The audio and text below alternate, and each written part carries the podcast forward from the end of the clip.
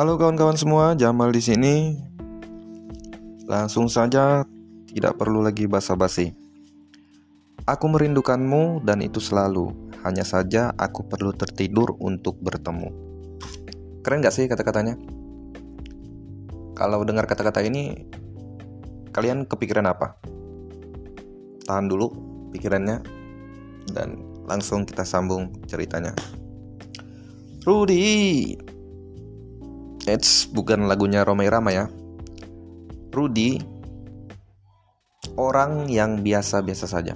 Yang kalau kita jumpa di jalanan yang kita langsung lupa dan atau mungkin kita nggak tahu kalau dia ada di sana. Dia adalah orang yang tidak terlalu populer di sekolah karena kepribadiannya yang pesimis, yang belum pernah aja udah nyerah gitu. Kenapa aku bilang kayak gitu?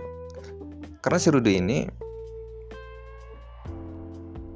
di ceritanya ya, si Rudy ini jatuh cinta sama teman satu sekolahnya, seorang cewek di, di sekolah yang sama yang berprestasi. Jadi bukan cewek biasa-biasa aja ya, ceweknya ini berprestasi, ranking, dan segala macamnya. Yang kalau kita lihat nih dari sudut pandang orang luar nih kita bandingkan mungkin ini si cewek ini masa depannya cerah gitu kalau dari segi prestasi. Bersih Budi ini ya ada nggak ya masa depannya? Atau ah suram kayaknya masa depannya dengan sikap pesimis dia tadi. Dan memang nggak ada yang istimewa dari Budi Budi ini eh si, Budi, si Rudi. Rudi ini suka sama si cewek tadi.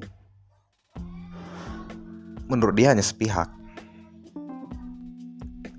Dia pernah um, berpapasan dengan cewek tadi di koridor sekolah.